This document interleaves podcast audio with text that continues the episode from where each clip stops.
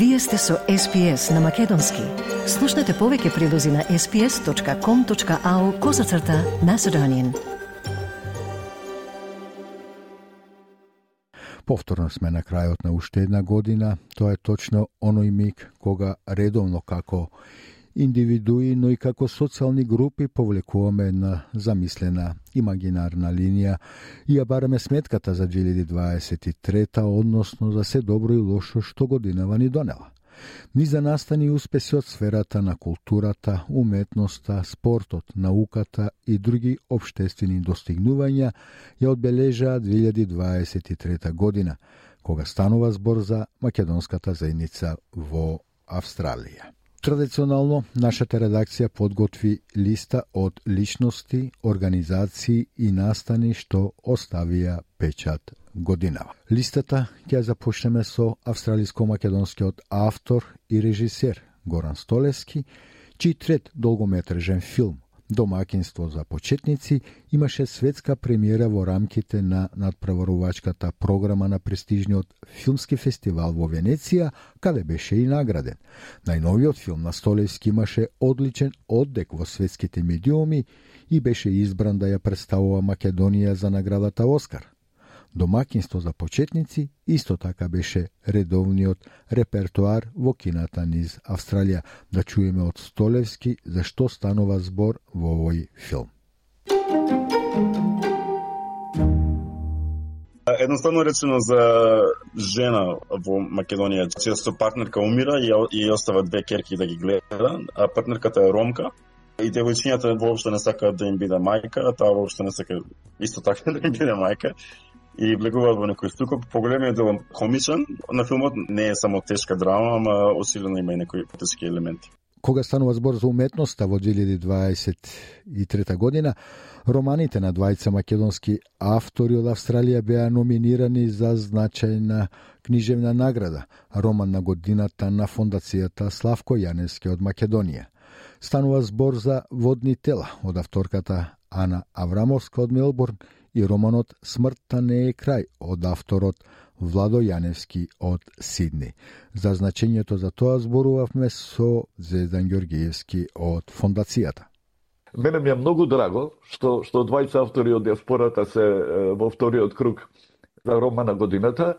Тоа покажува е, многу како како да кажам има повеќе значење. Прво дека имаме некоја нова македонска диаспора таму. Второ, да не ги повторувам се флоскулите за идентитети и така натаму. Трето, дека светот станува се помал и дека ме навистина мило што сме во во еден заеднички контакт на толкава оддалеченост бидејќи за да се напише еден роман кој ќе влезе во вториот круг на роман на годината, треба да имате сериозна комуникација со културната а, клима или со, со културната состојба во матицата. Овде очигледно е, тоа е постои и, и тие, тој контакт е многу жив. Звездена прашина во 2023 година додаде и австралиската турнеја на македонскиот пианист од светски глас Симон Трпчески. Македонскиот виртуоз во ноември настапи со Тасманискиот симфониски оркестар, Tasmania Symphony Orchestra, во Федералната концертна сала Federation Concert Hall, изведувајќи го концертот за пијано број 2 од Јохан Брамс под диригентска палка на Едвин Одланд. Нашиот македонски пианист одржа рецитал во Elder Hall North Therace во Аделаида, а турнејата во Австралија ја заокружи со два концерта со западно-австралискиот симфониски оркестар West Australian Symphony Orchestra во Перт, каде под диригентство на Ашер Фиш го изведе концертот за пијано број 1 од Брамс. Австралиската турнеја беше промоција на неодамна објавениот двоен албум на виртуозниот трпчески, зад кој стои престижната британска куќа Lin Records, а лондонски Таймс даде пет звездички за новото издание на Трпчески, пишувајќи со воодушевување. Цитирам, Сиван Трпчески може најпоетично да ги гали клавишите, зашто со него класиката е блескаво освежена. Во следните мигови ќе го чуме Симон како се сеќава на неговата прва турнеја во Австралија во Австралија исто имаше интересни случаи кога имаше еден човек во првите редови, тоа беше првата моја посета Австралија во Опера Хаус, кога еден човек од првите редови се сврте во, во, во текот на целиот тој громогласен аплауз и овации после чинам беше тоа Рахмај на третиот концерт. Да, тоа беше првата посета. Се сврте на кај целата цала јас македонското знаме што беше присутно. Тој се сврте и на банерот му, му опишуваше Симон да Macedonian Marvel. Годинава Македонската добротворна организација, здружение кое што се грижи за благосостојбата на македонската заедница во Австралија, одбележа значаен јубилеј 40 години постоење. Во име на сојузниот министер за емиграција, државјанство и мултикултурализам Ендрю Джайлс на прославата се обрати Морин Кориган. Здраво, добра вечер. So on behalf of the Minister, thank you for your work in ensuring our older multicultural Australians age with dignity, because that is so important, in a way that suits them. You're a very important part of this diverse Victorian story, and we look forward to celebrating with you at your next big milestone.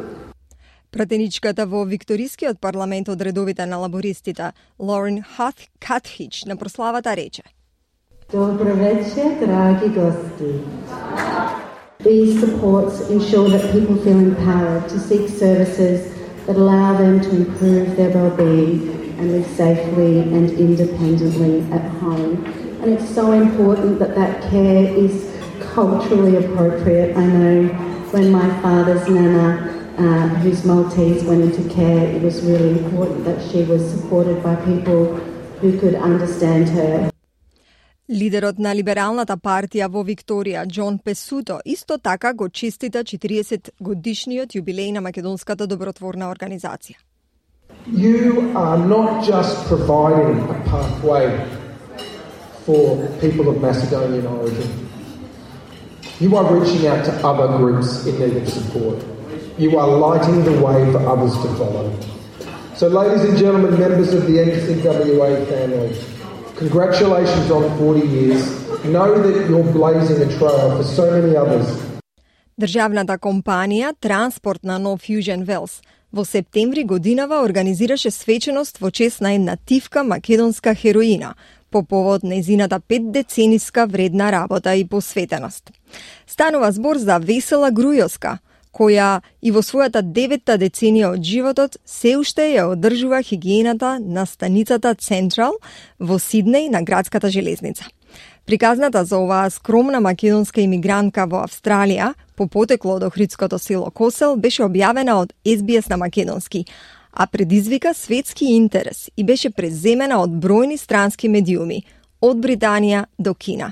Да ја чуеме весела. Од тебе ја многу добра и работна Mm -hmm. Другите не, не работат, што нема проблеми. Ама јас има проблем, морам да работам.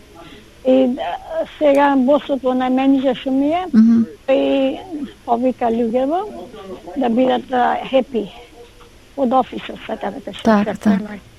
Имаше ова ручек да доја. Mm -hmm. Нас не беше имаше доја. Mm -hmm. Дури можам ќе работам, се заправам. Пенсија не е како работа не е како пенсија. Не можеш да плаќаш било. Не е изи, изи сама не е изи. Hard life е. Дојдов 70-та, е, почнав да барам работа. Работата е фреш. Хелти е а да работиш. Дома ако си само ќе се секираш, ќе ова нема тона, нема тие те болеста тука е. Ми велат кога ќе Кјошна да тая на на 100 years. 100 years кој дојде одам на 200. Така ќе речеме и чичутар.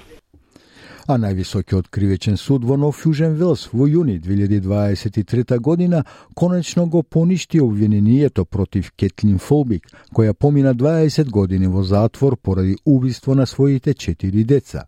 Таа беше помилувана во јуни годинава, а судот сега ги поништи и обвинението и казната. Македонскиот генетичар доктор Тодор Арсов беше меѓу клучните научници што докажаа дека сите деца всушност наследиле генетски мутации и починале од срцеви удари. Доктор Арсов студирал во Камбера, Австралија, како докторант на Австралискиот национален универзитет, пред повторно да се врати во Македонија. Случајот Фолбик испиша нова страница во австралиското правосудство. 2023 без сомнеш беше година на успеси за македонците во Австралија.